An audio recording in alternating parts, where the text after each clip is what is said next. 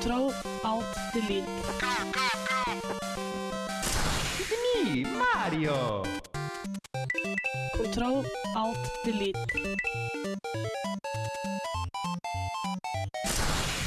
Unable to comply.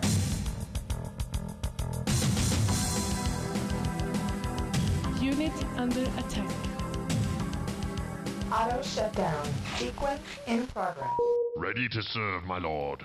Hei, og velkommen til Kontroll til Elite, spillprogrammet her på Radio Revolt. Jeg heter Sondre Dokvam, og i dag skal vi oppdatere deg med de siste nyhetene i spillenes verden, fortelle hvilke spill spillstipendet ditt burde investeres i, og anmelde Hotline Miami. Dagens tema er historieformidling i spill, men før vi tar deg med på den fantastiske opplevelsen her, skal vi shake mann Jack White. Her er låta I'm Shaking. Um, hello? Hey there, stranger.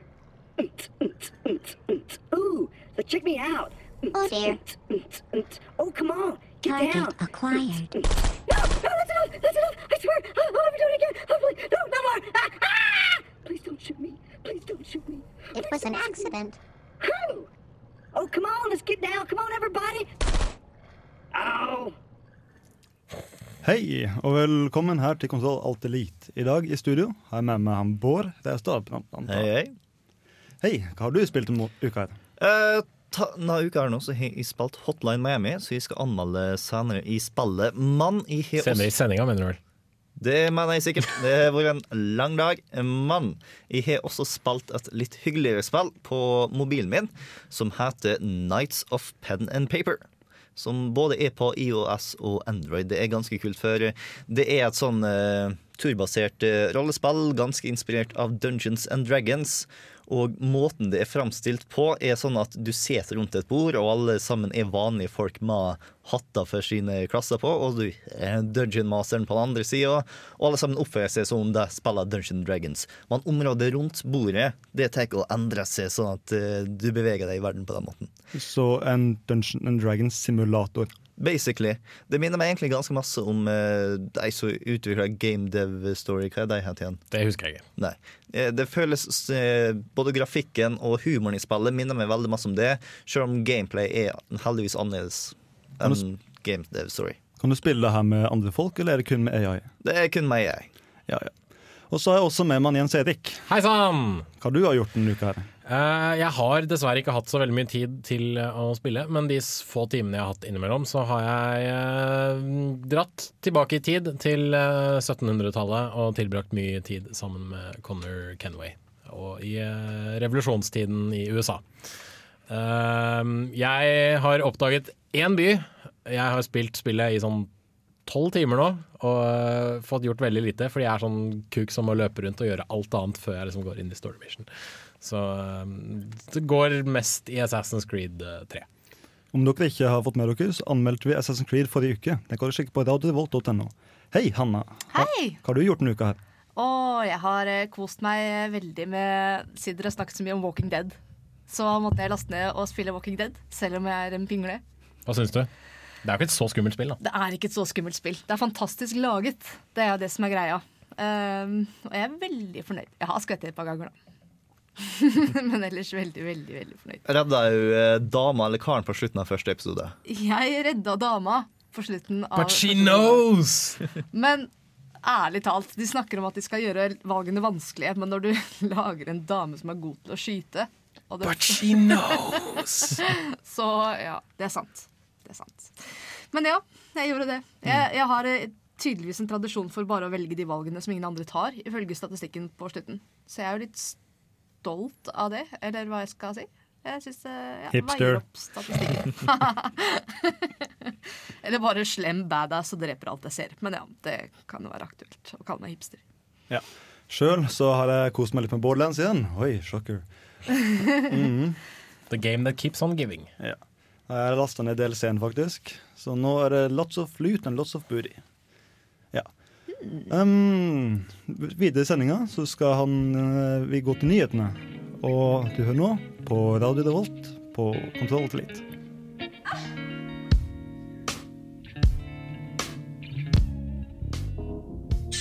Denne uken i Spillnytt. Der hørte vi The Internet med Give It Time. Som du hørte, så skal vi nå inn på spillnyheter og vite hva som har skjedd i spillenes verden. Det har Nils Erik tatt seg av. Ja, det stemmer. Uh, aller først så må jeg nesten spørre, er det noen som husker spillutvikleren Silicon Knights? Oh yes, baby! De lagde Metal Gear Solid Twin Snakes, som er favoritt Metal Gear-spillet mitt, som du låna og ikke andre har spilt. Det er sant. Du har lånt det i sånn ett år og ikke rørt det. Come on! I'm sorry! Det står i hylla mi, da. Uh, ja, som sagt, de har laget en versjon av um, Metal Gear Solid 1. De har også laget uh, Eternal Darkness, som veldig mange syns er det aller beste skrekkspillet ever since the beginning of Dawn of Time. Uh, siden da så lagde de Two Human, som var sånn helt OK, og så lagde de uh, X-Men Destiny, som var sånn mindre enn OK. Eh, men nå må de ødelegge alt de har av spillmateriale som har med Unreal Engine 3 å gjøre. Det er ganske kjipt. Yeah. Casen var at de uh, brukte Unreal Engine 3 til å lage Two Human og X-Men Destiny. Men uh, i den perioden så fant de ut at hei, det er så mye galt med Unreal Engine 3 at vi tar like gjerne og bare saksøker Epic Games fordi den koden vår feiler så jævlig. Vi må bygge en ny motor rundt Unreal 3. Den tapte de. I tillegg så sa, Unreal, så sa Epic Games at ja, dere saksøker oss, da saksøker vi dere tilbake. Den tapte Silicon Knights også. Så de har tapt sånn 4,40 millioner dollar eh, i eh, sånn skadevirkninger og sånt noe. Og en konsekvens av at de har bygget opp denne nye spillmotoren rundt Unreal Engine 3, er at de må ødelegge alt de har av kode og dataspill og fysiske utgaver av To Human, uh, X-Men Destiny og alle spill de utvikler nå som har Unreal Engine 3. Jeg skjønner egentlig litt. Grann, sin, ja, ok, Her gir vi dere en engine som dere kan bruke, og så klager dere. Skal du ikke faen meg få lov til å ta drite ut det? Og eh, det Dennis Dayak, eh, sjefen i Silicon Nights, har sagt, er at eh, det var så mye feil med, med Epic Games sin Ikke bare feil i motoren, men de ga ikke god nok support, rett og slett. Så derfor mente han at Silicon Knights var berettiget i å saksøke dem. Men altså, en bedre, et bedre eksempel på metaforen å skyte seg sjøl i leggen skal du le- leite lenge etter. da Det er jo liksom bare Ja, det er litt dritig ut. gnåling, kaller man sånt. Det er litt synd, for eh, de har nå laga gode spill, men det var for snart ti år siden. To Human var en ekstrembombe. Det var planlagt som en triologi, og det at det ikke ble en triologi, viser hvor godt mottatt det spillet ble. Og han, eh, Dennis Dayak har blitt eh, beskrevet som klin gæren av veldig mange spilljournalister, så jeg skjønner kanskje litt eh, hvilket ståsted han kommer fra når han sier at han har lov til å saksøke disse folka. Mm. Selvfølgelig er det trist, men, men det er lov å bruke hodet Ja. før man åpner kjeften for vidt gap. Eh, Call of Duty Black Ops 2 har kommet ut nå nylig, og det som etter hvert kom fram, var at PC-utgaver av spillet uh, inneholdt faktisk Mass Effect 2, av en eller annen merkelig grunn. Eh, Ok. Så man regner med at EA og Activision har samme selskap som trykker opp disse eh, CD-DVD-platene. Um, så det BioWare har sagt, er at eh, greit, dere 50 første som kan bevise at dere kjøpte Call of Duty Black Ops 2, men fikk uh, Mass Effect 2 i andre disken, dere skal få hver deres utgave av Mass Effect Trilogy. Så det BioWare har gjort, er egentlig ganske en stor genistrek. De har sagt at greit, noen dreit seg ut. Vi utnytter dette til vår fordel. Jeg er egentlig litt fornøyd med det, fordi uh, da får de i hvert fall et veldig godt spill. Istedenfor det som veldig mange mener om Call of Duty-serien. Call of Duty Black Ops 2 har fått en god del god mottakelse, må nevnes. Så Ja. hey, don't knock it till you try it. Eh, I andre Mass Effect-nyheter så har BioWare Montreal uh, begynt utviklingen av en ny Mass Effect. Den skal bruke Frostbite 2-motoren, Eh, og det er det vi vet. Eh, mest sannsynlig så blir det ikke noe New Adventures of Commander Shepherd. Det det syns jeg, jeg er helt greit. Um, så det skal bli gøy, da, med en ny, frisk, kul motor som brukes i mange andre kule EA-spill. I hvert fall bedre enn sånn som Unreal Engine, vi kommer tilbake dit nå igjen, var i Mass Effect 1, hvor eh, gud, ja. de første fem sekundene så ble lag etter lag med grafikk som ble rendret. Eh, helt til slutt så kan vi nevne at Rayman har skylda for at vi ikke får Beyond Good and Evil 2. Fordi Michelle Ancel, som både har stått bak Rayman-spillene og eh, Beyond Good and Evil, har sagt det at vet du hva, jeg har jobbet så mye med Rayman Origins og Rayman Legends at jeg har rett og slett ikke tid til å jobbe på Beyond Good and Evil 2. Um, så det sa han i et intervju da med polygon.com. Og uh, nå snakker de jo selvfølgelig om at uh, Beyond Good and Evil 2 skal bli et next gen-prosjekt. det har de vel snakka om det siste året, tror jeg. Og det er jo et veldig omfattende greie, sier Ubisoft. da Så eh, vi må nok smøre oss litt mer tålmodighet før vi kan reise på eventyr med Jade igjen. Og eh, det er vel både et pluss og et minus, vil jeg påstå. For jeg er for Beyond Good and Evil 2, og jeg er for det på neste generasjons konsoll, men jeg liker ikke å vente. Ja. Nå tar vi en pause med Supermanna, Fred og frihet, og så kommer vi tilbake til nyhetene da.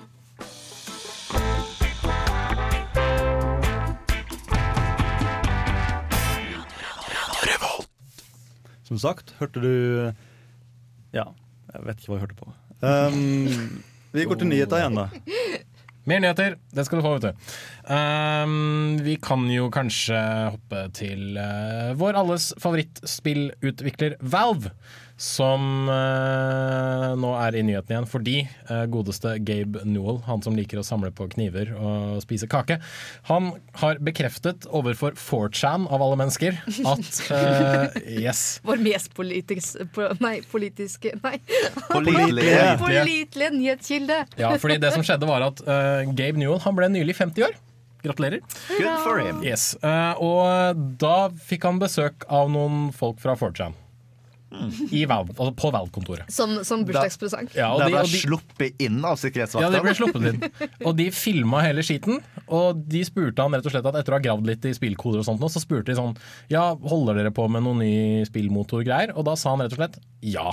Så Source 2 fra Valve er under utvikling. Eh, Det var også en av eh, Valves eh, mange manusforfattere som kunne bekrefte at Ricochet 2 eh, også er hun i utvikling hos Valve. Uh, hva er Ricochet 2? Det er det ingen som vet. Men uh, Internet, being what the internet is, har jo selvfølgelig begynt å spekulere at jo da, dette må være en oppfølger til Half-Life. Of Fordi course! alt Valve driver med som ikke har en spesifikk tittel, det er jo selvfølgelig en oppfølger til Half-Life. Nei, for de har aldri nye ideer. Nei, nei, selvfølgelig ikke. Og internett lyver aldri. Ja, ikke sant? Sånn er internett. Ja. Yes, um, videre. Heart of the Swarm har fått en lanseringsdato. 12. mars 2013. Det er en av Starcraft 2-utviklingspakka. Den andre delen av uh, den tredelte uh, historien som er Starcraft 2. 12. mars 2013 så kommer den ut. Det er nå åpent for preorder. Uh, det finnes to utgaver, en vanlig og en samleversjon. Det fins også en vanlig fysisk, og det fins en, en, van, en fysisk samlerversjon.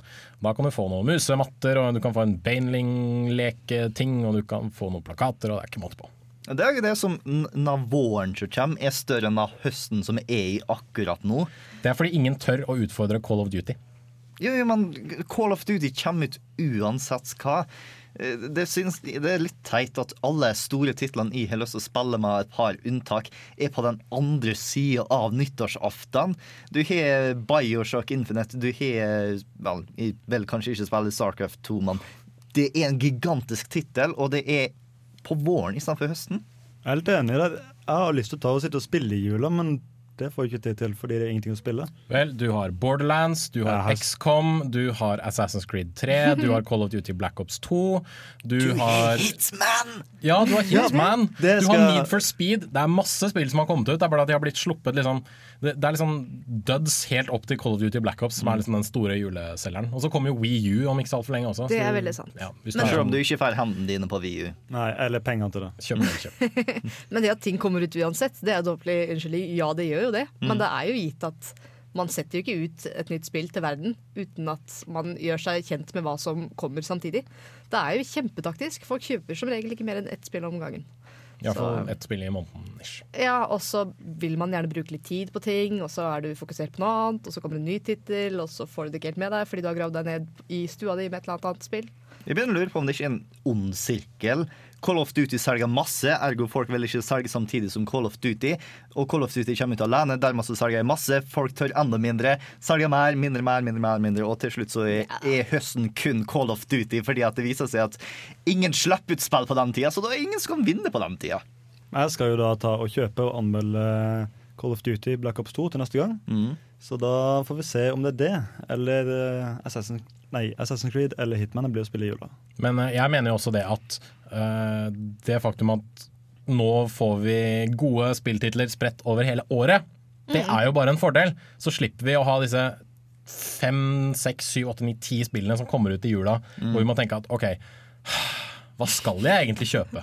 Hva skal familien gjøre nå? Ja, ikke sant? Hva skal barna hete? Et cetera, et cetera. Nei, men uh, helt til slutt så har Capcom sagt at vi får mer Megaman. For det var veldig mye Det har vært en del rykter på nettet i det siste og hvor folk mener at Capcom har begynt å ja, rett og slett rævpule Megaman litt, og ikke bryr seg lenger om den lille blå eh, roboten sin.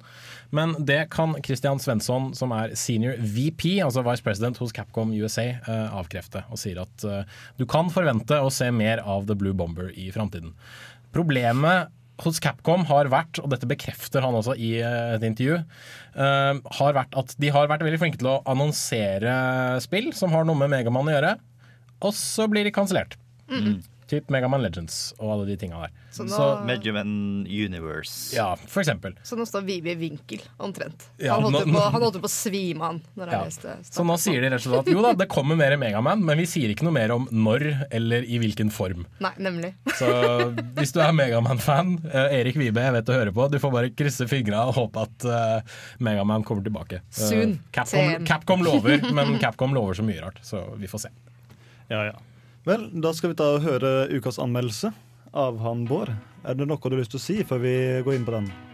Eh, stort sett bare det at du har nødt til å ha mage nok til å tåle å se en god del blod og guts når du tar og spiller PC-spillet Hotline Miami. Ok, Da går vi til anmeldelsen etter Daniel Ross med Not Coming Back. Men slapp av, vi kommer tilbake på kontroll alt delete.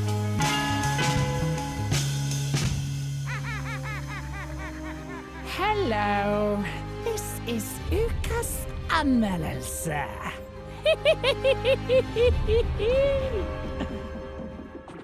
Forestill deg at du er en psykopatisk seriemorder i Miami på slutten av 80-tallet, som både spilte spilt altfor masse PC-spill og tatt for mye av et eller annet ulovlig.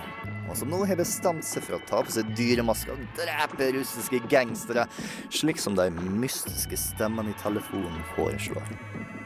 Det er en av de mange måtene du kan beskrive det særegne PC-spillet Hotline Miami på. Andre måter er 8-bits mordsimulator med et fantastisk soundtrack. Ultraviolence på syretyp. Eller min personlige favoritt, verdens mest groteske puzzle game. Spillet går ut på å drepe kriminelle så fort, variert og brutalt som du klarer, og belønner det med å gi deg et større utvalg av våpen og nye dyremasker, så gir det fordeler som ekstra ammo, raskere gange eller åpning av døra så hardt at du dreper de som blir truffet av dem. Utfordringa ligger i spillets høy hastighet og hvor latterlig enkelt det er for deg å dø. Kjappe reflekser, god timing og nøye planlagte taktikker er essensielt for å myrde seg gjennom brettet. Det er derfor synd at kontrollene ikke er spesielt intuitive. Du ser den pikselerte verden gjennom et fugleperspektiv à la old school GTA-spill. Det trengte dermed en stund til å bli vant til å sikte med musepekeren, som ikke bryr seg om relasjonen til kroppen din. Ikke bli overrasket om du med et har tømma bomphagga i veggen rett bak det, i stedet for i skallen på rusteren som et halvt sekund senere flarer opp magen din med kniven sin sånn at tarmene dine velter ut på teppet. Å ja! I tilfelle ikke understrekte det nok tidligere, Hotline Miami er ekstremt brutalt. Blod spruter som morbide fontener, hjernemasser innen volda er faste innslag, og lemlasting står høyt på dagsordenen. Det mangler ikke på kreative og groteske måter å likvidere russere på. Men det er ikke det som er skremmende med spillet. Det skremmende er å se hvor kjapt du blir vant til å se maltakteranatomi og begynne å ha det artig med å massakrere russere i et høyt tempo. Historien i spillet er til tider så subtil at du bare legger merke til de mer morbide delene av en drapsmann som mistet mer og mer taket på virkeligheten. Dersom du satte ned med narrativet, så kan du tolke det frem til en veldig interessant historie om galskap og spillvolds mangel på mening. Men det er absolutt ikke nødvendig for å nyte spillet. Generelt sett så er spillet ganske flink til å føle som om du ser verden fra perspektivet til en psykopat. Fra den overdrevne volden til de sjuke hallusinasjonene og til det nesten flytende filteret, så får det til å føles som du er tatt noe du ikke burde ha tatt. Det eneste spillet som kan beskrives som vakkert, er musikken, som er en samling av top notch 80-tallsinspirert elektronika. Så dersom du så Drive og tenkte til deg sjøl Det jeg likte best med denne filmen, var den groteske volden og den stilige musikken. Jeg skulle ønske noen lagde et spill ut av det. Så hei, ingen anelse hvem i helvete du er. Men hei, du fikk ditt utrolig bisarre ønske oppfylt. Bra for det! Og for dere andre så vil jeg absolutt anbefale dere å prøve ut Hotline Miami. Så framt dere har tålmodighet på mage nok til å holde ut. Karakter 8,5 av 10. I heard you was running all over town. With lines to everybody you need. You said that I wasn't, that I wasn't no clown. Ja, da er vi tilbake. Vi hørte um, først han Bård Læstad med anmeldelsen til Hotline Miami, og så hørte vi John the Conqueror med Say What You Want. Så Bård, da har jeg to raske spørsmål. Hva slags aldersgrense er det på spillet her? Det er definitivt 18 års aldersgrense. Det er kanskje pikselert, men herregud, det kan gjøre inntrykk på folk. Ja. Hvordan kan noe så brutalt og voldelig være artig? Eh, Greia er at det er utfordrende på en veldig god måte. Du, som sagt, du dør ekstremt lett fordi at du tåler ingen verdens ting. Du tåler like masse som russerne, så det du har nødt til å være, er raskere og mer nådeløs enn det russerne er, og de er allerede raske og nådeløse. Så eh, når du spiller gjennom et brett, så eh, dør du gjerne sånn 20-30 ganger før du tar og finner ut at eh, jeg er nødt til å gjøre det på denne måten her nå. ta og slå til døra på den karen der og sånn datt ned skytesatokeren der og slett, slitter throaten hans, og så tar jeg og hopper inn i neste rom og kaster et balltre i trynet på den russeren, og så skyter han den siste. Det hørtes veldig gjennomtenkt ut. Yes! Det, det er sånn du ender opp med å tenke i Hotline Miami etter hvert. Det høres veldig brutalt ut, og det er det, men det er utrolig artig. En ting du skal lære deg, Sondre, er at Bård blir veldig påvirket av spillene han spiller. I hvert fall sånn rent mentalt og hvordan han ser på verden. Så jeg tror kanskje vi må backe litt unna etter hvert. Så vi kommer til å ha det hyggelig i kveld når vi henger sammen, alle sammen, ikke sant? Men, men du sier utfordrende, og jeg hører slarkende kontroller. Og da begynner det å gresse litt nedover ryggen på meg. Hvordan, fordi når jeg spiller spill som er utfordrende, Mm. så kan jeg bli, jeg kan bli sint bare av det. Men hvis du får inn kontroller som ikke er fungerende, og det er på en måte spillets feil at jeg ikke klarer det Altså, hvis feilen ikke ligger hos meg, så blir jeg rasende. Er det, er det et problem? Eh, For det meste så ligger feil med det. Eh, Jeg sa at kontrollen ikke var intuitiv, men det gjør det ikke nødvendigvis dårlig. Det betyr bare at det tar en god stund før du blir faktisk flink i spillet. Ja. Eh, Etter en time med å spille her nå, så ble jeg kjempedødelig. Eneste gangen jeg, jeg dreit skikkelig på draget, er fordi at jeg har to dataskjermer, og hvis jeg dro musa alt langt til høyre, så plutselig så trykka jeg på Chrome i stedet for spillet, og da fraus alt sammen. Akkurat idet en russer skulle ta og få ei slegge i trynet. Jeg har hørt uh, litt sammenligninger på nettet hvor folk mener at uh, Hotline Miami gjør for gamle GTA-spill det Super Meat Boy gjorde for gamle plattformspill. Stemmer det? Det høres ganske nøyaktig ut, ja. For Super Meat Boy var et ganske vanskelig og høyt tempo-spill som eh, du reloada veldig masse av, men som er utrolig artig pga. utfordringer, og det er Hotline Miami. Er det, det virker som du, du du legger veldig mye i at det er Det handler jo om planlegging, det handler om å være kjapp, eh, gode reflekser etc. etc. Mm. Hvor mye av det igjen beror litt på flaks? Fordi en del sånne spill har en tendens til at hvis du er Ja. ikke nødvendigvis kjapp nok, men hvis du bare har La oss si at ting ikke helt svarer på sånn som du vil at du skal gjøre det. At du bare Enten så har du dårlig flaks, og du dør selvfølgelig, eller så klarer du det akkurat fordi du av en eller annen grunn har klart å, å legge opp Flaks er en riktig. faktor. Mm. Eh, for det Du tar reloader masse, og det er veldig masse tilfeldig, så det, du føles ikke som om du gjør det nøyaktig samme hele tida. Det er tilfeldig hva slags våpen som spåner på gulvet, f.eks., og det er enkelte vakter som tar helt andre ruter når du reloader på nytt. Så av og til så er det sånn Yes, endelig så går han mot døra, og jeg har en katana her nå. Så her nå kommer jeg til å klare, i stedet for å, fuck, nå har jeg bare en ølboks jeg kan kaste i trynet på han, og han kommer aldri mot døra. Det kan være en ålreit ting, syns jeg, mange Mm. ganger. At ting faktisk ikke er det samme hver gang. Noen finner det bare irriterende, mens jeg finner ut at ah, nå passer jo det med det, og da kan jeg gjøre det, eller Ja, for Så- eh, det Hotline Miami har veldig lyst til at du skal være, er kreativ og uh, bruke de tilfeldige våpnene. Du får ekstra masse poeng for å ta, bruke en stor variasjon av våpen og forskjellige måter å drepe folk på, i stedet for bare plukke opp hagla og skyte alle sammen i rommet, fordi at det syns ikke spillet er like artig. Men hvordan er det bygd opp? Er det slik at du får ett og ett oppdrag, eller er det slik at du kommer inn i ett og ett område og bare pælmer Ja, løs på det Det er ett og ett oppdrag. Det, det føles på den måten mer som et puzzle game enn et uh, action game.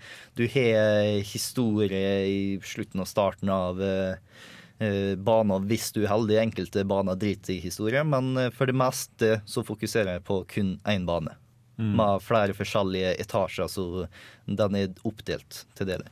Skal ta ut alle sammen, eller én person? Du skal ta ut absolutt alle sammen.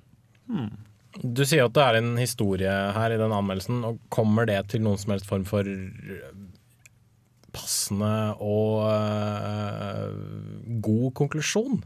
Eh, det, den har flere avslutninger, for å si det sånn. Den første avslutningen var ganske tilfredsstillende. Den andre var faktisk overraskende mindfuck og simplistisk. Og den siste avslutninga som du måtte ta og samle sammen puzzles på, var sånn OK, nå fikk jeg bedre inntrykk i plottet, men eh, det var, var ikke så god avslutning, egentlig.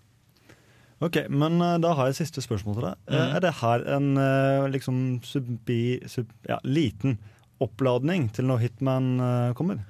Vel, greia er at denne høsten her nå er høsten for snikmordere. Du har Dishonored, du har Assassin's Creed, du har Hotline Miami og snart Hitman, så ja, hele høsten her nå har vært en oppbygging til Hitman Absolution. Ok. Det er få ting vi er så stolte av som ytringsfriheten vår. Og det er fantastisk å vite at europeiske land fronter en idé om en sensurløs hverdag uten frykt for å ytre sine egne meninger. Med et par unntak, selvsagt. En håndfull spill har ikke falt i smak gjennom tidene. Som f.eks. Carmageddon. Poenget er å kjøre over så mange fotgjengere som mulig, hvilket i mange land, inkludert Tyskland, resulterte med sensur. I den sensurerte versjonen er alle menneskene byttet ut med zombier, og alt blod er farget grønt. Problem solved. Volden i Mortal Kombat sørget i 1992 for at spillindustrien måtte opprette et eget rangeringssystem. Og The Entertainment Software Rating Board ble til og er fremdeles i bruk den dag i dag. Scener der man røsker ryggraden ut på motstanderne deres, eller deles i to av en kvinnes lår, gjorde at Mortal Kombat er grunnen til at alle fremtidige spill i det hele tatt fikk en rangering. Wolfenstein 3D ble også sensurert i Tyskland i 1994. Kanskje ikke så rart, siden man løper rundt blant nazisymboler og er ute etter å drepe Hitler selv. Nintendo sensurerte senere spillet og fjernet alle nazireferansene, og endte opp med det som minner om bevæpnede astronauter og zombier. Wolfenstein 3D er fortsatt det man kan kalle vel kontroversielt. I 2011 ble iPad-versjonen av spillet nektet innpass på Apple Store i Østerrike og Sveits. Bør man ikke egentlig ha full ytringsfrihet gjennom spill også?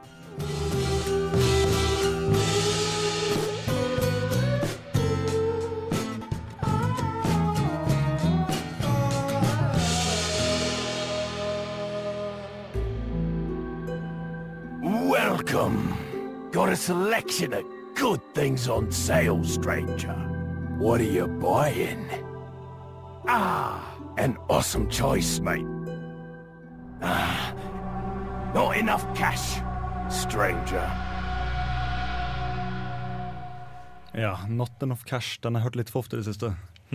Men stipendet kommer i morgen. Så I dag! Nei, i morgen for meg. Det kom i dag. Hold kjeft. Bård, Yes. hva skal du bruke pengene på? Eh, jeg, har nå tatt og vandra rundt i Trondheim by og sett på spillbutikkene våre. Og eh, det viser seg at når folk skal ta og kjøpe spill i jul, så kjøper jeg spill uansett om det er gode tilbud eller ikke. Så dermed så er det ikke like mange tilbud som når det ikke er like masse kjøpepress som det jula gir oss. Konklusjon barn er bortskjemt. Ja. Eh, dersom du høres på gode dealer, så tror jeg mest på konsoller enn på eh, spill for øyeblikket. Fordi at eh, de spillene du har lyst til å kjøpe, er så store at du kjøper dem uansett. Så hvem bryr seg om sånt? Eh, men jeg har funnet tak i litt grann godstoff her nå. For eksempel, Forrige gang så snakket jeg om at GameStop tar og gir det nye spill for 99 kroner. Dersom du gir de to nye spill, nei, to spill som du har brukt sjøl, og den holder jeg fremdeles på med. Så eh, du kan utnytte det på Black Ops 2 og Assassin's Creed og alt mulig rart av godteri der nå. Uh, Sleeping Dogs, som kom ut uh, i slutten av sommerferien, har nå datt ned i pris til 349 på konsoll. Så dersom du ikke har spilt det spillet ennå, så er det verdt å sjekke ut dersom du ikke har råd til de storspillene som er, kommer ut for øyeblikket. Det kommer også veldig masse DLC til det spillet. Det kom ut nylig en god Halloween-DLC, og du snakker om at det kom enda mer, Jens Erik? Ja, det skal komme en, en sånn holiday pack med diverse sånne småting. De har jo lovet eh, seks måneder med nedlastbart innhold, disse gutta i, bak Sleeping Dogs, altså Square Enix. Så um, hvis du kjøper deg Square Enix, så tror jeg Nei, Square Enix. Hvis du kjøper deg Sleeping Dogs, så er det veldig mye innhold å hente i tida framover.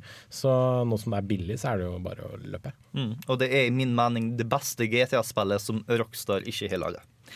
Eh, og eh, Game har nå begynt å ta og importere PlayStation 3-spill, som vi ikke finner så masse av her i Europa. For eksempel akkurat nå så kan du ta og kjøpe Resident Evil Anthology, som er Resident Evil 1, 2, 3, 4, 5 og 6 på PlayStation 3. Der er det ett godt spill der. Jeg skal ikke si hvilket. Eh, God of War-saga, som er samme greia, alle PlayStation og PSP-spillene. Og Collectors Edition av Journey, som også inkluderer Flow og Flower, som samme folk har lagd det. Spørsmål. Yeah. Uh, jeg har ikke en PS3, og jeg vet jo at jeg ikke kan spille PS3-spill, selvfølgelig. Er PS3-en sonefri? PS3-en er sonefri. Det er derfor de har muligheten til å eh, importere spill. Har, har vært teit om de gjorde det på Xbox, for Xboxen er ikke sonefri, så vi kunne kjøpt et Det er spill du Fuckings irriterende. Ja, det er det. Det hender at noen utviklere gir ut sonefrie spill til Xboxen. Uh, Ghostbusters til Xbox ble det i USA, så jeg Cool. kjøpte det derfra. Uh, men uh, faen, ass. Sonedritt. Det er bare teit. Ja, enig. Keeping the man down. Det er ikke noe sånn, du har ikke noe håndholdte tilbud i tillegg da, på den lista di. Nei. Uh, jeg kan ta tips om at det er ikke så altfor lang tid før Paper Mario kommer ut. Den kommer ut den 7. desember, mener jeg at det var. Eh, og så, vel, vi snakka om at det kan ikke komme ut så masse spill eh, denne høsten her nå, men vi har eh, Far Cry 3, som eh, kommer nå i helt, helt, helt slutten på november, og Hitman Absolution. Så de er absolutt verdt å sjekke ut. Og dersom du var smart nok til å forhåndsbestille VU, så burde ikke ta og ha nødt til å minne på at det kommer ut nå den 30. november, så det kan bli ekstremt interessant å se på. Eh, dersom du ikke er forhåndsbestilt, lykke til! Blir, blir jun Blir den sonefri? VU-en? Nei. Er Kjenner jeg. Ninten kjenner jeg Nintendo rett, så blir det. ikke det Er vi skuffet? Ja! Egentlig bryr jeg meg ikke. OK, så kort oppsummert. Bla, bla, bla, bla. Kjøp Far Cry, kjøp Hitman. Og Sleeping Dogs. Paper Ja. Mario. OK. Det her kan gå dit over mastercardet også, ikke bare stipendet.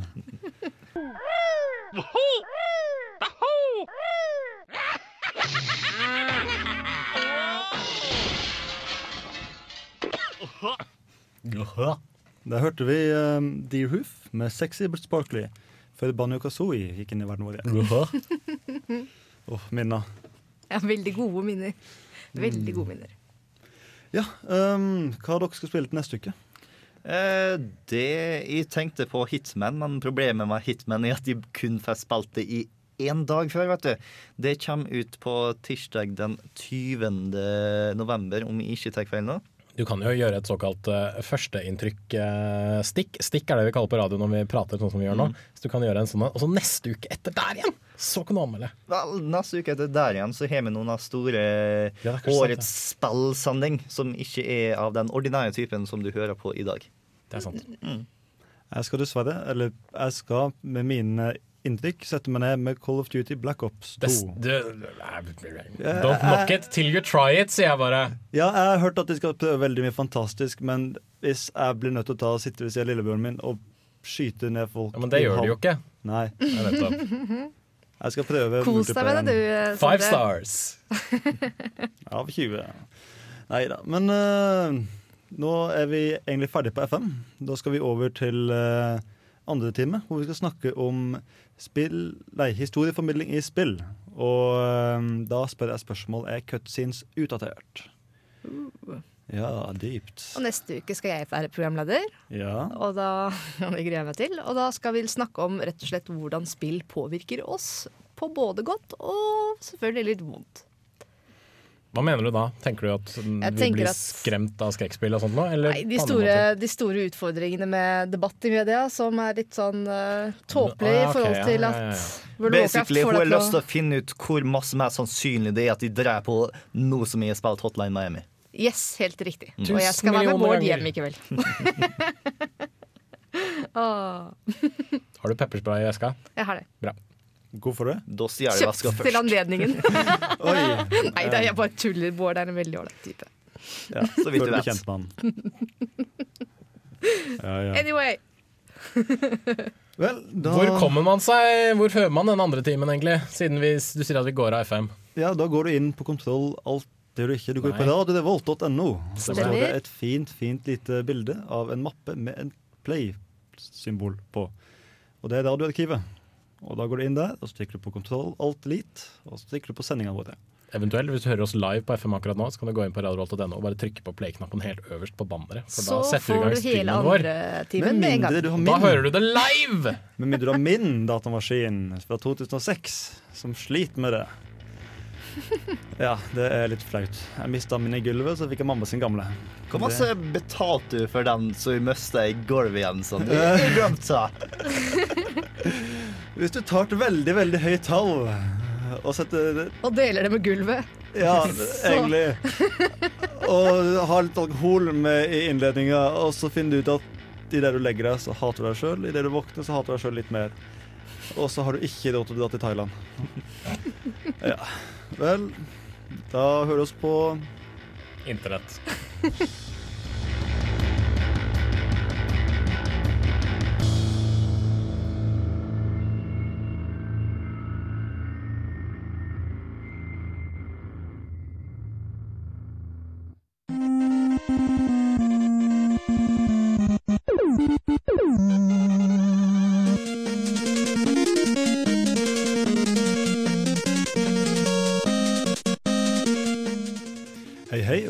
og velkommen til andre timen her i Kontroll Alt Elite.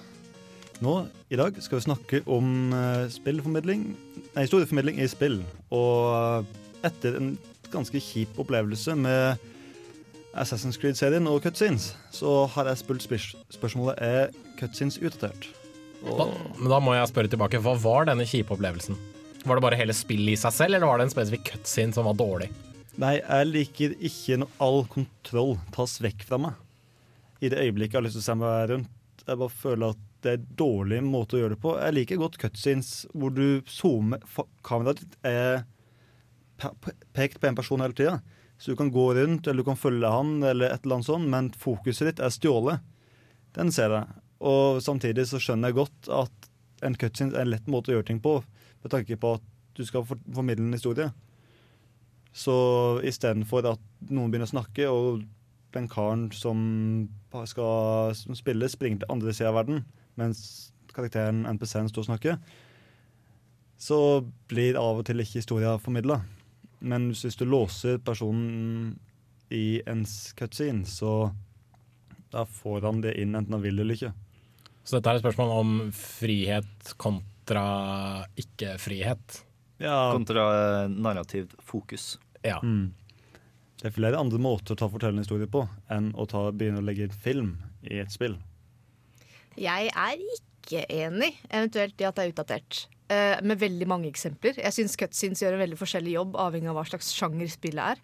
Men hovedsakelig for meg går det på at du, du får den følelsen med en gang. Du ser på en måte at ting fader ut eller kommer, så er det ofte det at åh, nå har jeg gjort noe riktig, nå skjer det noen ting. Nå må jeg liksom Og det, jeg tenker spesielt tilbake på Selda, så har jeg veldig mange sånne opplevelser.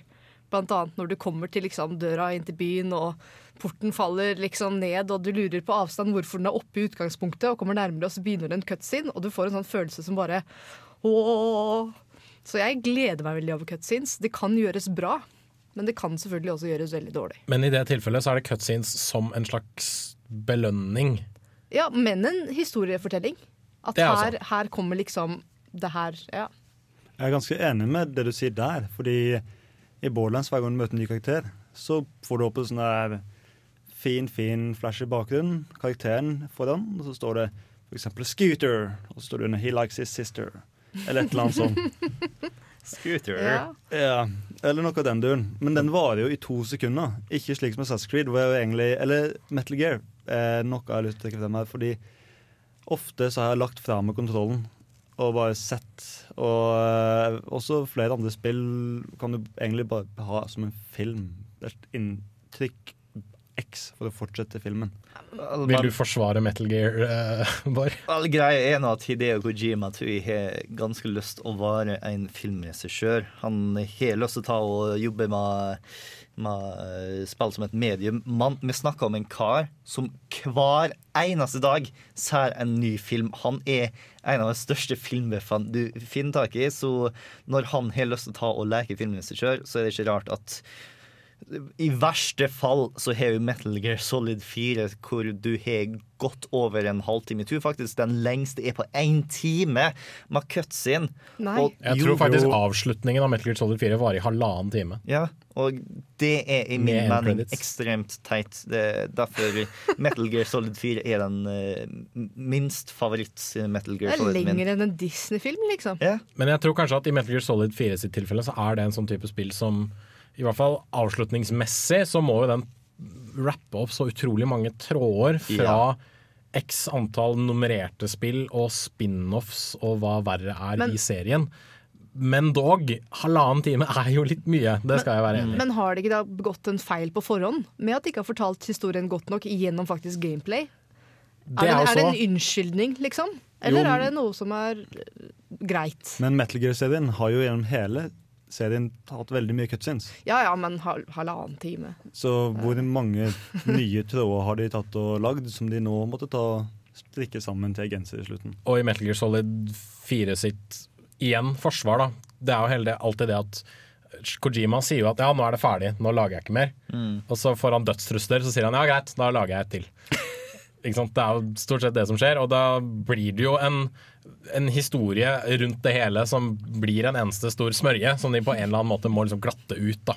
Men eh, ja, de kunne nok ha spart seg for de mest hva skal jeg si, filosofiske og dyptpløyende monologene som fins i Metal Gear Solid-spillene.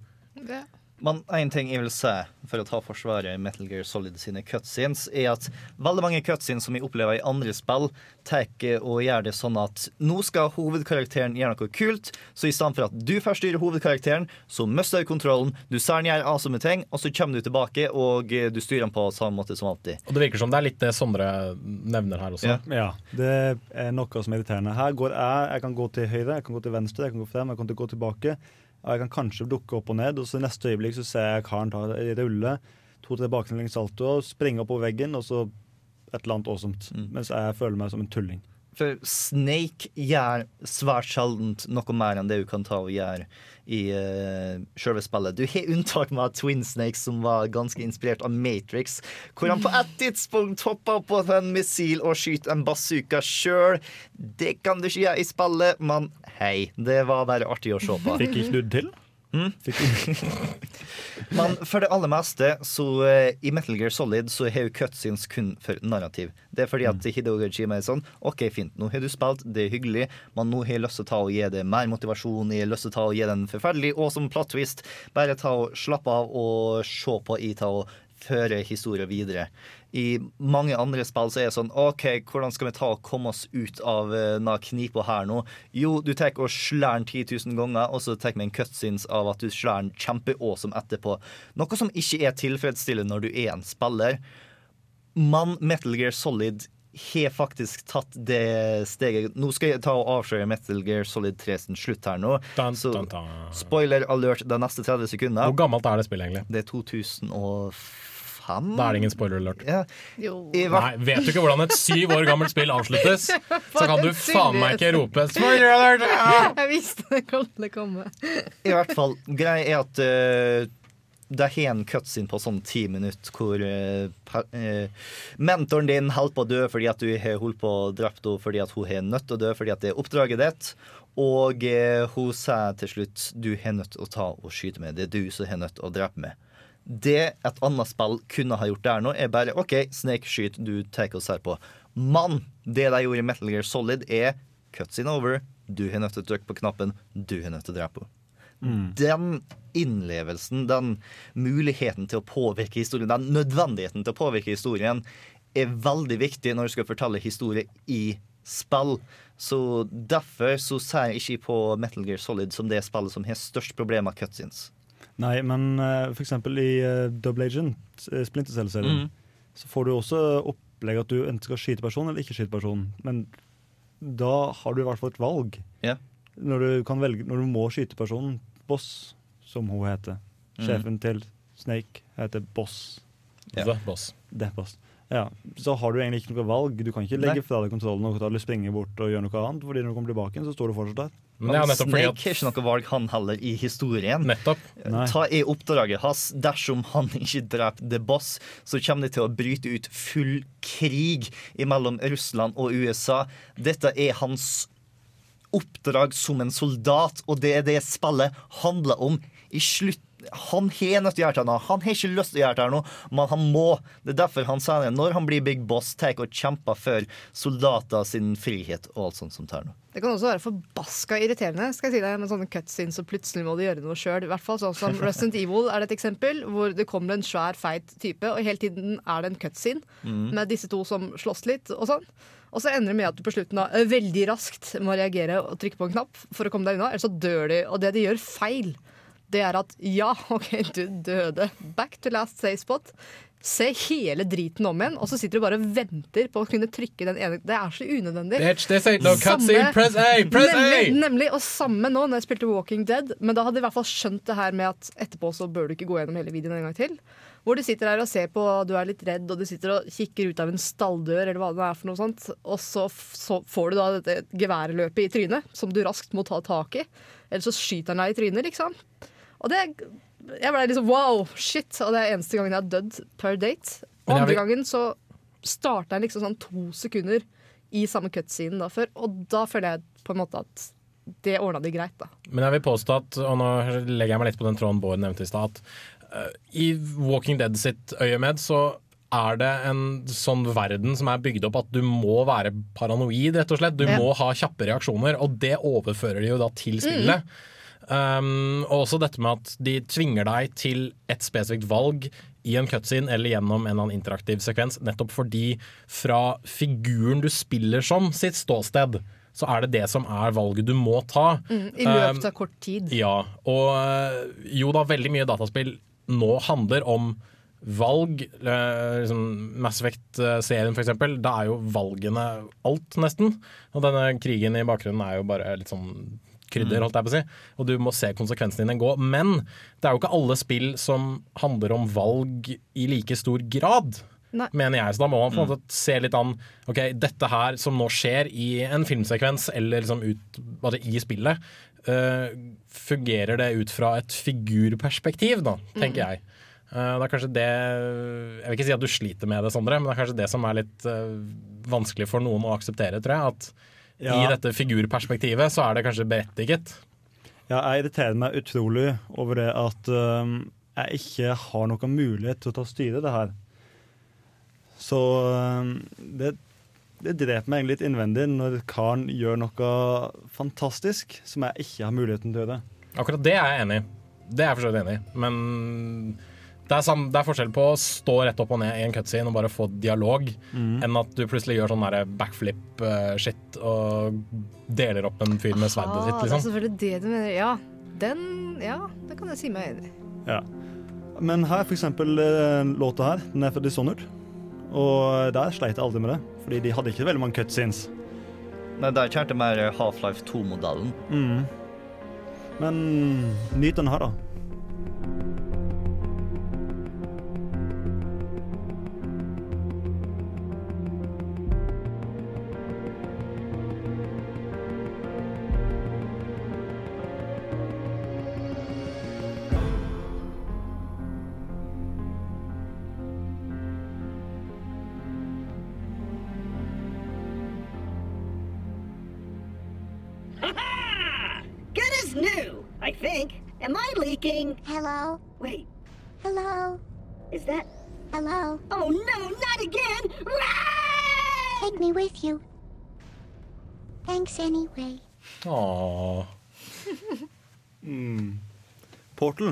De har heller ikke så veldig mange cutscenes. Nei, Valve generelt eh, har bare skippa cutscenes. Mm. -mm. Det nærmeste du kommer, liksom, er Nå kan du ikke bevege det, så vi skal gjøre litt av en exposition. Oh shit, Nox! Det skjer et eller annet, så du er nødt til å ta og gjøre massevis av action. Go you. Det er kanskje litt sånn romoversikter og sånn, hvor de bare zoomer litt ut og du får se rommet, men det er vel kanskje bare det? Jeg tror ikke det Har de ikke det i Portal? Nei. De har Nei. kanskje ikke det? Nei, Alt kanskje. er førstepersonsperspektiv. Så det du får av historiefortelling, det får du gjennom eh, omgivelsene dine, eller gjennom GLaDOS. Eventuelt i Portal 2 gjennom Wheatley eller Cave Johnson. Det er sant, Eneste gangen du ser din egen karakter, er vel når du lager en portal som gjør at du kan se deg gjennom. Riktig. Da kan du ikke se deg sjøl på den måten du kan se Jo, du Du, ser, du kan det. du ser deg sjøl, men du kan ikke se hvordan du ser det ut ordentlig. Fordi du ja, Nei, du ser mitt. kun deg sjøl gå inn i portalen. Ja. Selvfølgelig. Mm. Men Ikke det- tenk for mye på det, du får vondt i hodet. Men det som er problemet med Valve-modellen, er at det er ikke like lett å ta og få fram historiefokus. De, de klarte det rimelig bra i eh, Half-Life 2, men da var det sånn at jeg tok og bottlenecka sånn at du kan ikke gå ut og ta rommet her nå før denne personen har sagt det den har lyst til å si. Så eh, OK, nå har Alex snakket et halvt minutt, da kan vi ta og åpne døra. Woo! Så du kan ikke ha like masse gameplay-frihet i et Half-Life 2-modell som det du kunne hatt med noen som tar og kjører cutscenes, fordi at da har jeg muligheten til å bare si stopp, hør på, fortsett. Portal, Portal 2 lider også en del av det, eh, faktisk, hvor du kan ende opp med bare spurte gjennom korridorer og rett og slett ikke få med deg alle de tingene som skjer, ser, skjer rundt deg. rett og slett. Og det er sånn små detaljer på f.eks. papirer som ligger på, på pulter. Det er små detaljer på malerier som du kan finne. Alt som peker til liksom, bakgrunnen til de ulike figurene som dukker opp, og ikke minst bakgrunnen til Aperture Science. Det kan du ende opp med bare sprinte rett forbi hvis du er sånn her oh, neste puzzle, neste puzzle. Jo, men jeg føler det, altså det representerer jo veldig godt hvordan du er som spiller. da Spurter du Det gjennom og ikke tenker over detaljene, så OK, da er det din måte å nyte det spillet på. Og da hadde ikke alle detaljer i hele verden fått deg til å stoppe, antageligvis. Mens de som på en måte har et øye for sånt og liker å spille spill, og sånt, kan jo glede seg veldig mye over det. Det er sant. Har dere uh, plukka opp eh, han Turnton? I'm different. Ja, det gjorde jeg. Prometheus was out, nei, was, et eller annet sånt der. Kasta ned til bunnen av verden og spist av fugler. Yes. Hva skjer med Glados? Hun blir kasta ned til bunnen av Aperture Science, og så blir hun spist på en krokke. Hos ja. Ridley Scott-filmen Prometheus. Åh, den var så dårlig. Den var så dårlig! Den var så OK. Ja, vet du hva, den var helt OK. Jeg får fortsatt ikke ut av hodet at jeg tror det er cutscenes. jeg. Men det er sikkert ikke Jeg tenker på når Glados våkner også. Så blir hun jo plukket opp, og du ser jo Men du, det er vel kanskje det at du blir plukket opp og ser det ovenfra og får sett Glados og Hvitli som stakkars blir knust og det, Ja, nei, OK, jeg, jeg gir meg snart. Det er fortsatt førstepersonsperspektiv. Det er bare det Ja. at Men du blir, vel, du blir vel låst, tenker jeg. Men det, Ja, det det, det, det forklares i gameplay at du Mm. blir låst på stedet. Ja. Mm, sånn var det. Mm. Jeg skal gi meg snart. Jeg skal bare krangle litt til. Nei, til. Men et eksempel jeg kom på i løpet av låta her eh, angående dette med litt sånn, ja, kall det dårlig historieformidling og ikke minst dårlig cutscene-bruk, er i Uncharted 2, etter denne lange lange togsekvensen der Nathan Drake dreper en ja, hundretalls eh, folk som kommer mot han og tar imot x antall kuler mens han blir skutt på.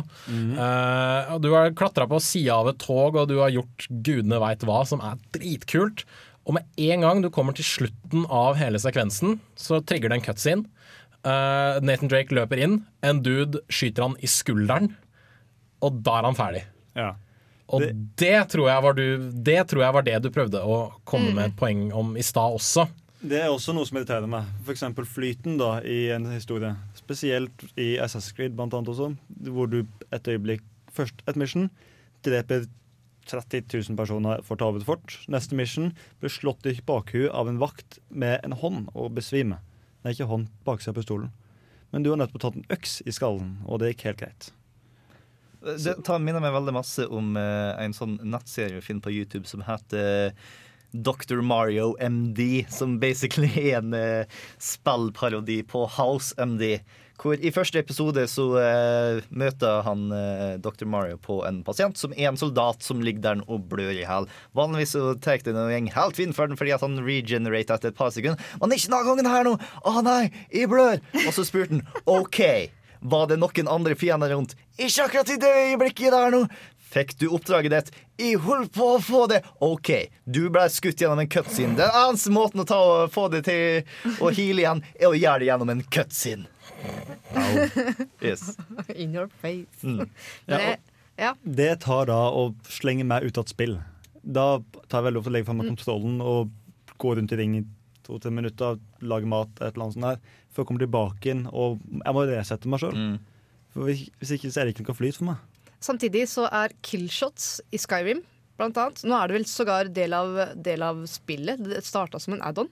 Hvor du, men det er jo sånn to sekunder hvor du bare får sett liksom killshoten din fra et annet perspektiv i et ekstremt sånn kul cinema Ja, hvor de hopper ut i tredjeperson. ja. Og det er jo genial bruk av cutscenes. Så det handler vel mer om hvordan man bruker det. Det kan brukes veldig galt.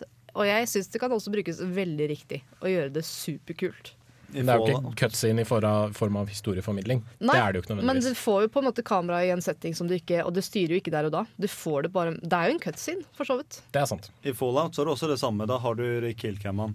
Mm. Så når du gjør noe awesome, f.eks. ta og skyte granaten to centimeter fra personen som har kasta den, så ser du i slow motion at personen blir deformert. Mm. Men da ser du ikke igjen. Da ser du bare akkurat der for første gang. Jeg vet Ja. ikke hvordan det er med den måten du snakker Jo, jo, jo, selvsagt. Det er ikke noe replay på det, eller Nei. noe sånt. Men det er en, bare en tilfredsstillende måte å få det forsterka på, da. Eller få Ja. inntrykket forsterka på.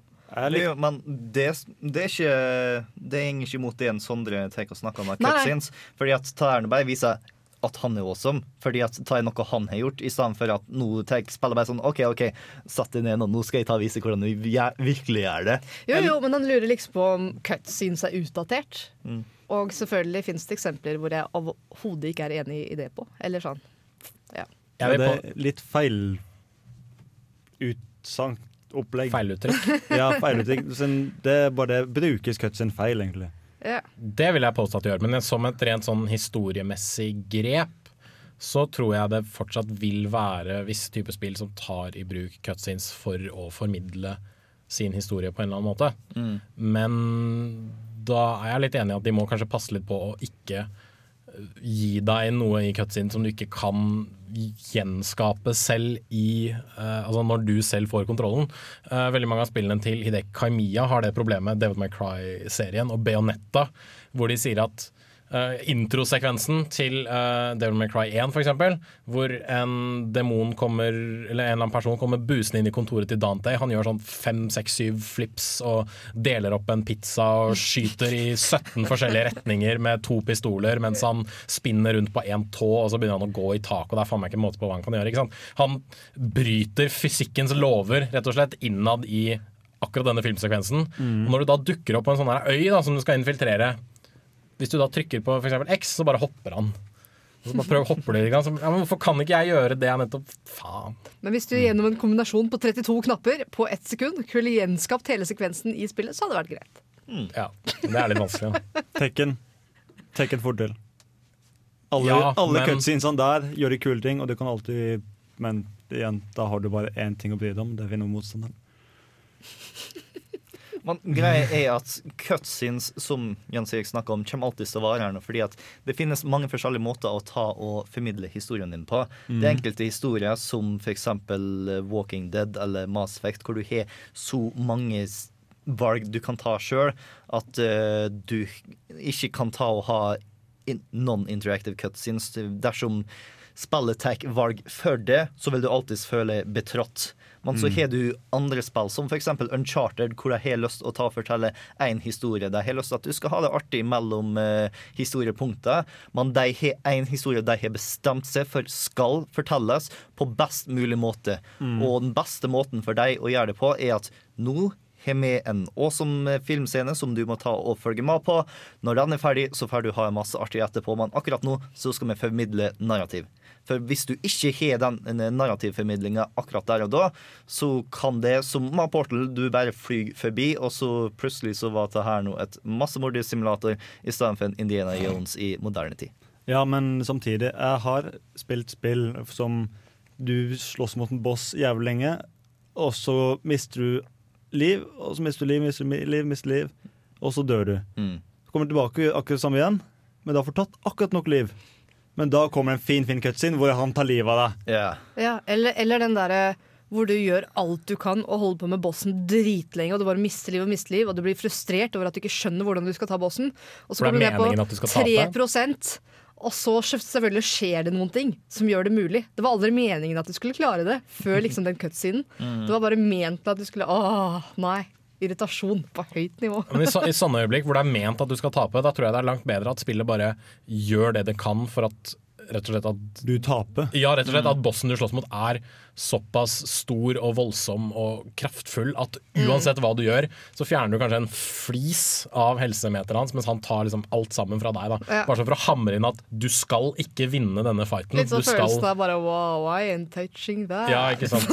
Eller eventuelt eh, forsterkninger hele tida som blir større og større og større, sånn at det er umulig, sånn teknisk sett, umulig å overleve mer enn fem minutter, med mindre du tar og bryter koden i spillet. Mm. Det hadde jeg likt, for eksempel. Jeg er et fan av Ninja Guiden. Og i Ninja Guiden- Sigma så får du lov til å slåss mot han store Duku, hvis dere vet hva dem, hvem det, det er. Det er han kanskje heter Duku, er ikke det? Jo. jo. Seg Han er Nei, ja. stor. Jeg tror Kun kommer fra Ninja-guiden. Hold kjeft! Du og du og du setter stam, stam, skammekroken. Nå er det cutsins her når man er Sondre. Stammekroken. Hold kjeft! Du, du og du, hold nu kjeft. Jeg liker når du er litt streng, jeg, Sondre. Du går ut herfra. Ta med deg filmene dine. Åh. Sånn Ha det, jeg ser deg. Ha det. OK. Greit. Og han kan du, som Bård sier, fysisk ikke vinne mot den første gangen, fordi du har ikke blitt awesome nok ennå. Og så er du gjennom en jævla lang historie, og i slutten av eliten så får du også spilt på tann. Men da har du fått det fantastiske sverdet ditt.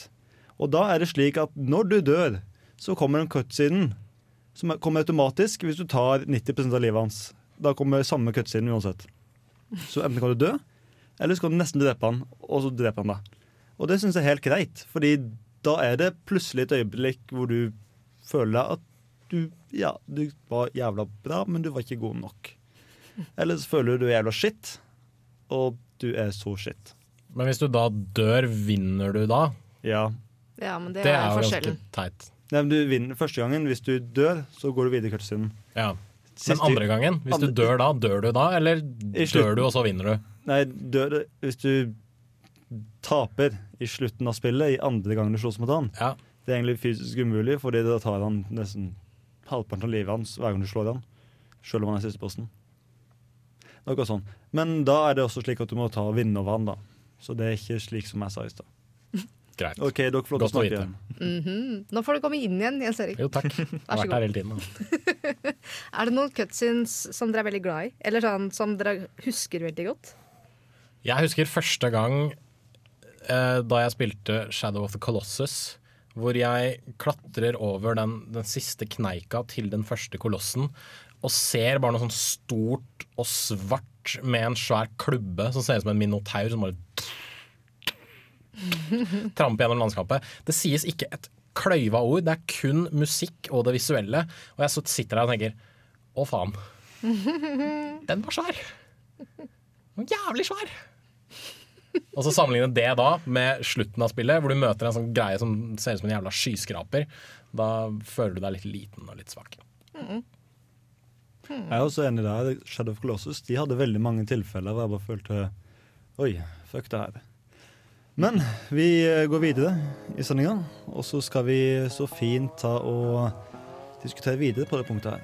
Her får du Slinger Song av Darren Korb. Fra Bastion. Spill som har veldig bra eh, historiefortelling, for, for så vidt. Du er skammekroken fortsatt.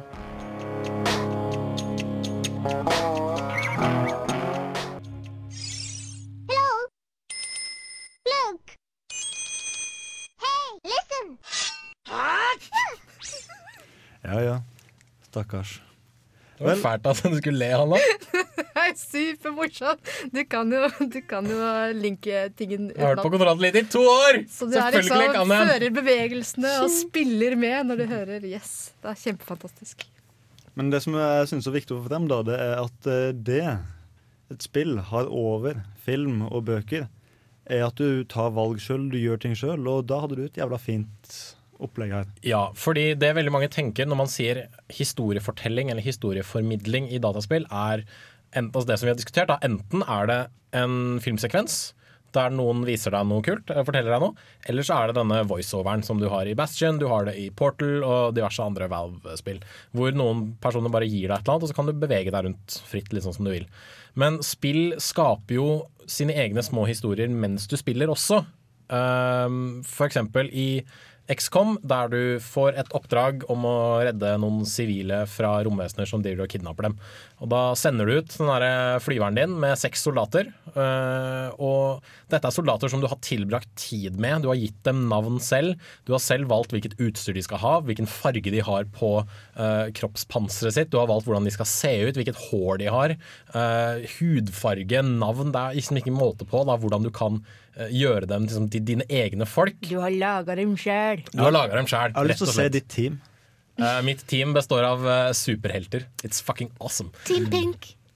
Um, og det du da gjør når du plasserer dem ut på dette stedet, er jo at da skaper du jo en historie selv. Ikke sant? Ved at du, ja, Aller først så sender du snikskytteren din opp på et tak. Eh, der gjorde han seg klar med geværet sitt, sånn at i tilfelle noen kommer og løper foran han, så kan han bare plaffe dem ned. Så sendte jeg fyren min med hagle bak en bil. Der fant han eh, to stykker som lå og gjemte seg, og plaffa dem ned med et dobbeltskudd. Eh, han med den svære mitraljøsa sendte jeg bak en stein.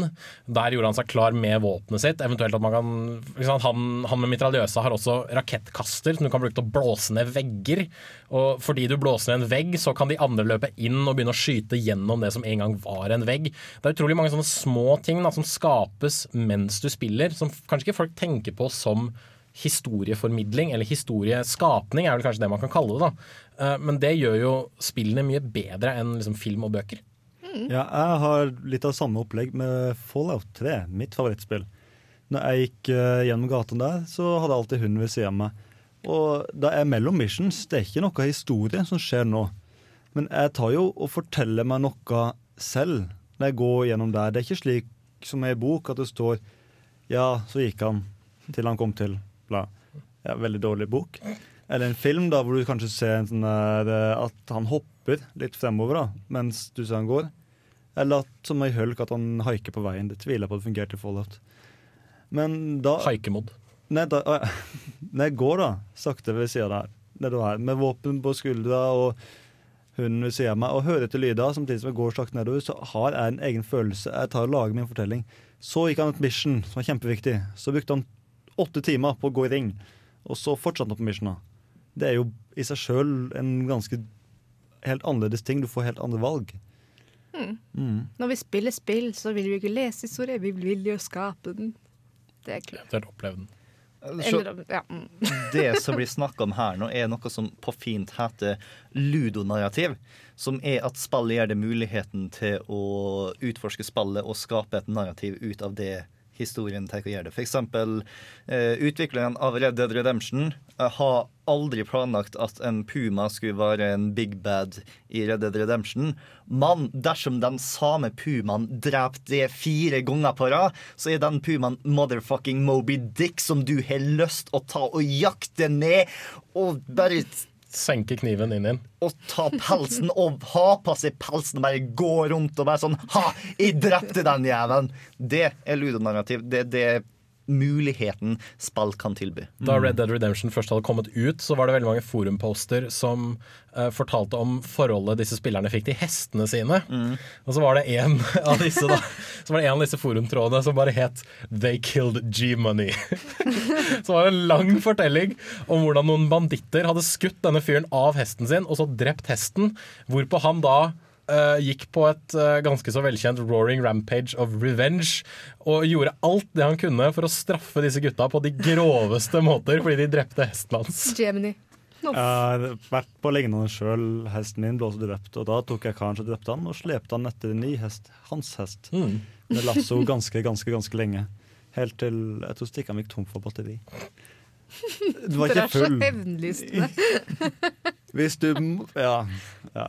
Jeg tror denne, trangen, eh, denne muligheten for ludonarrativ kommer ifra vår menneskelige hjerne og måten den tar og putter cause and effect og all rekka av cause and effect fram til narrativ. Så vi tar og legger merke til et mønster som egentlig ikke er der nå, og skaper en historie for oss sjøl.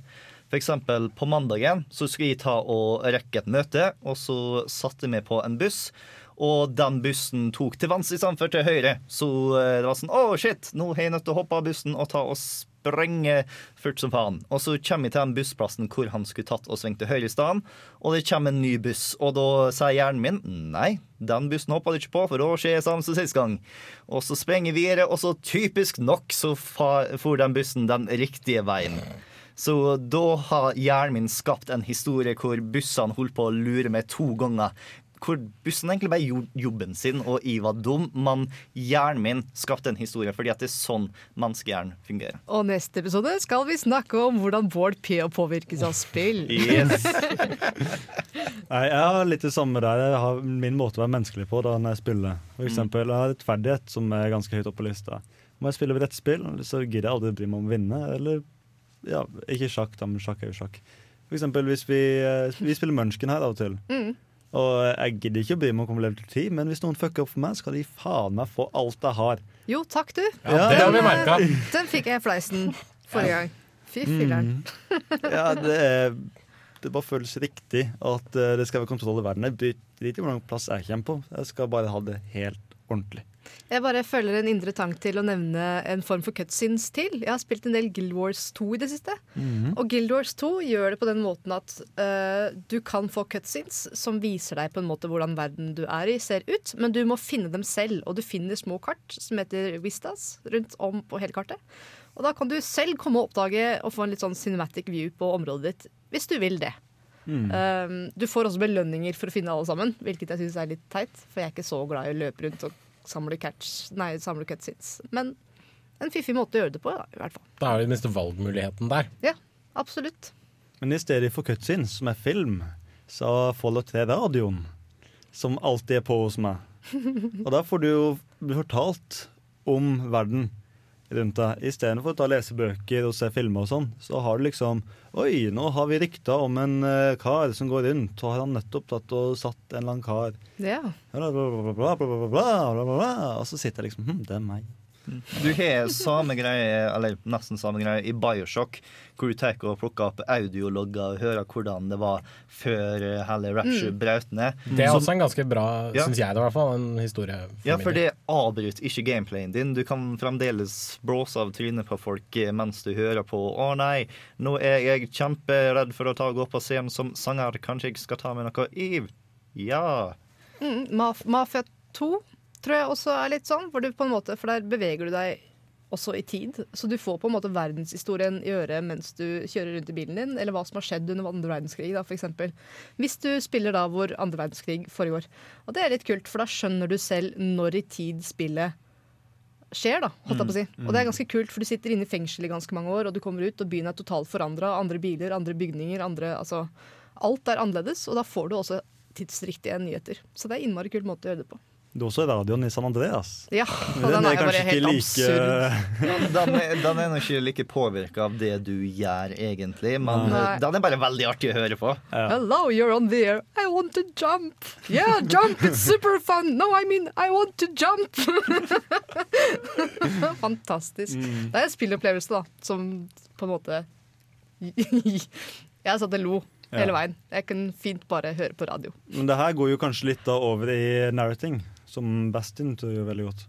Ja, rett og slett bare at det en, du har en forteller som forteller deg det du gjør. Men det Bastion gjør bedre enn mange andre spill som har en fortellerstemme, er det at denne fortellerstemmen Uh, Altså I hver gjennomspilling så sier han stort sett det samme, men de har så veldig mye er så, de, har, de har skrevet så utrolig mye til han at de valgene du tar, vil påvirke det han sier. Liksom hvis, du faller, uh, hvis du faller der istedenfor å falle fem meter lenger borte, så sier han noe annet. Og det er veldig kult, fordi da kan du feile så mange ganger du vil i løpet av Bastion uten at du nødvendigvis må høre det samme driten om igjen og om igjen, om igjen sånn som du må i visse andre spill. Så da har vi fortsatt den belønninga av interaktivitet som er vanlig. i spill. Yes. Hmm. Nå skal vi høre på Secret for Mon Monkey Island, Voodoo, Roots and Grog av Alex and Diggy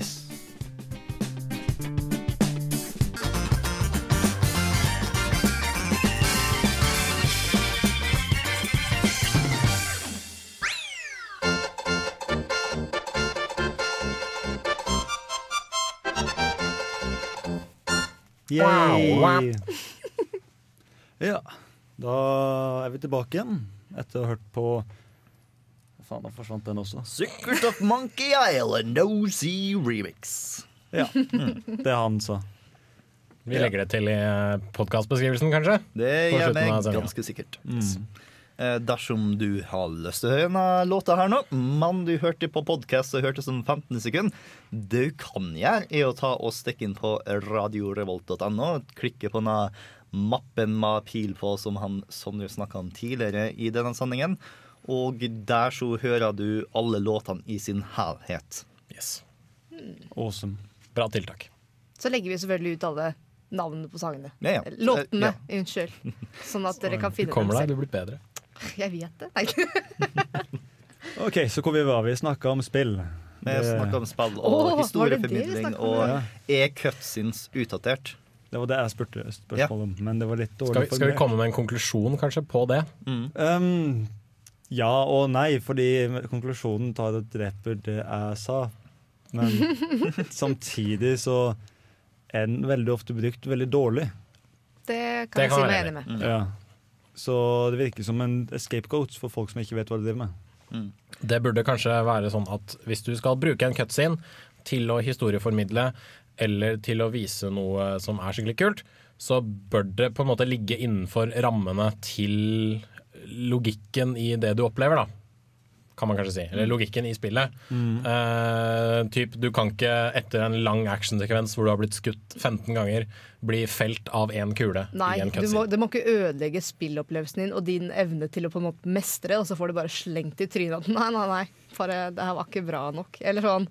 Ja. Det er det jeg kaller JRPG-måten å fortelle historier på. Det er sånn, ja, du, du gjør veldig mye kult sånn, noen ellers, men her er det en vakker cutscene som du kan se på. Ja. Og så har ikke de to noe særlig med hverandre å gjøre. Det er sånn at Historie og gameplay holdes atskilt av et svært sånn gjerde lagd av tigre, liksom. Kanskje, de, de får ikke lov til å nærme hverandre. svarte linjer øverst og nederst på skjermen. Ja, ikke sant? Nettopp. Merkelig, det. Men eh, jeg tror at eh, cutscenes er noe som eh, aldri kommer til å forsvinne. Sjøl når eh, spill begynner å bli mer sånn eh, choose your own adventure-type, hvor eh, valgene dine har ekstremt masse å si, Mm. så vil det fortsatt eksistere spill der ute som er skapt av folk som har én bestemt historie de har lyst å fortelle, og da er cutscenes et kjempeviktig verktøy for deg for å fortelle akkurat den historien. Jeg tror også cutscenes varierer litt i forhold til hvilken sjanger man bruker de. Mm. Noen sjangere passer det veldig bra, andre sjangere passer det ikke godt i det hele tatt. Noen ganger kan det ødelegge spillopplevelsen rett og slett av å være en cutscene. Altså f.eks. skrekkfilm, som vi yeah. snakket om, med at du bør få lov til å ha litt kontroll, selv i cutscenes. Mm. Fordi ellers så vet du hvordan handlingen kommer til å gå, og du kommer antageligvis til å overleve. Det er vel Ja, tradisjonen det, det finnes ikke et skrekkspill hvor du dør i en cutscene. Nei. minner det er en aller siste cutscene. Så ikke la oss slappe av for mye. Liksom. Sier jeg. Ja. La meg få slappe av. Men samtidig, det, cutscenes kan også brukes på en fantastisk måte. Som er folk som liker skytespill. De er veldig sjeldent eh, glad i å se loading screenen, eller gå inn og trykke 'nå skal jeg spille den banen'. Så ta få en flyt, eksempel Ja, jeg skal faktisk uh, fremme det, et uh, Call of Duty-spill her, Call of Duty 4, så har de tidenes kuleste introcutscene. Og så har de også veldig mange cutscenes mellom de forskjellige eh, banene, kan du si. Og det er jo da hvor du får en historie. Og enten går du og lager kaffe mens du ser den historien her, eller så tar du og sitter og følger med og blir fortalt noe samtidig som du sitter her og venter på å skyte flere ting. Og det syns jeg er bra bruk av det. Hvem er glad i loading screens da, Sondre? Jeg tror ikke det har med spillsjanger å gjøre. Kommer an på loading screen. ja, ja, ok. Ja. Hvis du har loading screen som alltid sier en hysterisk morsom vits, så er det sånn Å nei, nå har vi å reloade mappen her nå. For ingen grunn i hele tatt. Skyrim kunne sikkert Hvis- ta med fordel spice up loading screenene sine. Samtidig, hvis, vits, hvis vitsene på loading screens er bedre enn spillet seg sjøl, Bård, så er det kanskje Da syns jeg du skal levere tilbake spillet og få Ja, det syns jeg òg. Da er det feil art. Ja, ja. Men vi spilte jo et spill eh, nede hos deg forrige eh, onsdag. Ja, eh, vi skulle ha litt sånn eh, Mario Kart og Super Smash, men jeg dro også fram mitt eh, favoritt Det er så elendig at det er fantastisk spill, som er You-On The Grudge til Nintendo Wii, som er helt forferdelig! Derfor er det også For måten du styrer på, er at du tar og bruker vanlig Wii-måten. Du peker på skjermen og holder inne B, og så går du i den retningen du peker på. Omtrent én piksel i sekundet. Ja, kjempe, kjempe, kjempetregt. Du skulle tro at når du var dum nok til å bli låst inne i en eller annen lager hvor en hel skumle ting tar og dukker opp annethvert minutt, så har jeg vært smart nok til Oh shit, jeg tar og sprenger mens jeg fremdeles har batteri i eh, eh, lommelykta, og ikke venter på at noen skal drepe meg.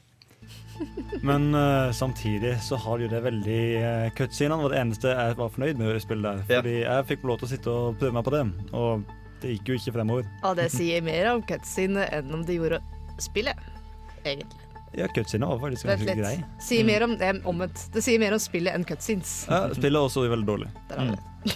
Men hvis dere har veldig mye pils eller bare en jævla kjedelig kveld, så burde dere ta plukke det opp, og så levere tilbake igjen så fort som mulig. Ja. For det har en også multiplayer, hvor player 2 eneste player 2 kan ta og gjøre, er å ta og trykke på A, og så skjer det noe skummelt på skjermen. Men nå er tida vår egentlig ute, så skal jeg gå og lage en fin tradisjon her. Vi skal takke teknikeren vår, Hey! han Rune. Tusen takk, Rune. Takk, Rune. Takk, Rune. Og så er vi tilbake neste uke, og da skal Hanna være programleder. Det stemmer. Følg meg da. Følg oss, da, med meg i spissen. Mm. Da skal vi snakke om Vi skal snakke om påvirkning i spill, og da snakker vi om den type påvirkning som skjer med deg og meg når vi spiller. OK, men da tar kvelden. Hei, hei, gutta. Ha det. Ha det! Ha det.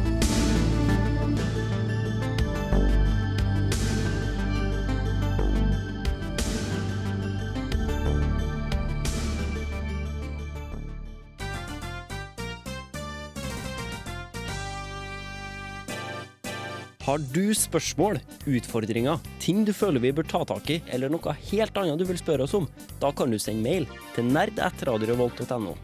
Ønsker du heller å tweete oss, kan du finne oss på Twitter, hvor vi heter rr-spill. Du finner oss også så klart på Facebook. Radio Revolt presenterer Kontroll Alt Delete. Der legger vi ut nyhetsoppdateringer, konkurranser og så klart masse enkel nerdehumor. Det var altså e-mail nerd.radiorevolt.no, Twitter rr-spill og Facebook Radio Revolt presenterer Kontroll Alt Delete. Vi høres neste onsdag.